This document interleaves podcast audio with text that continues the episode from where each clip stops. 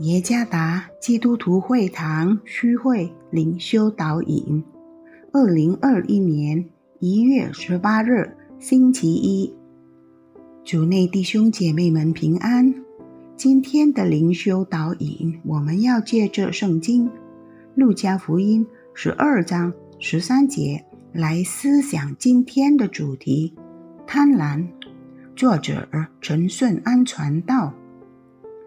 路加福音十二章十三节，众人中有一个人对耶稣说：“夫子，请你吩咐我的兄长和我分开家业。”贪婪是一种可耻的行为，并且是上帝所厌恶的行为。贪婪使人渴望获得尽可能多的物质，而不感到满足。为了获得自己想要的东西，贪婪的人也经常犯罪。实际上，贪婪的罪也包在致命的罪之中。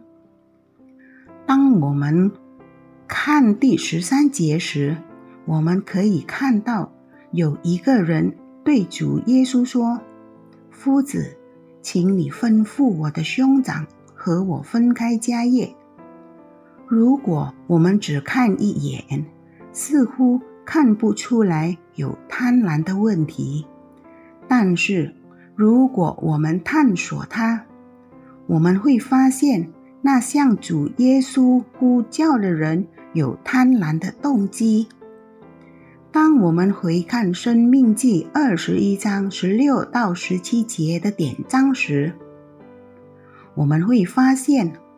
那向主耶稣求助的人，不是因为他没有得到遗产，而是因为他想得到比他所需要的更多，渴望得到比上帝已给他的更多。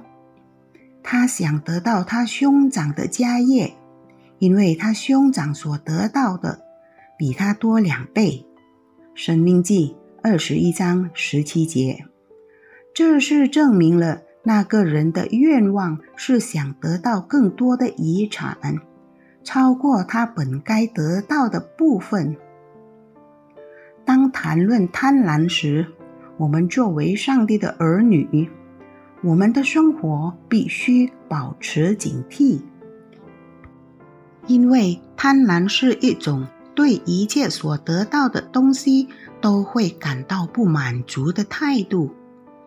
当贪婪已牢笼我们时，我们将会成为很难对上帝的恩典献上感恩的人，甚至很有可能因为一直想要满足自己的愿望而做出不择手段的事，并不在乎法律了。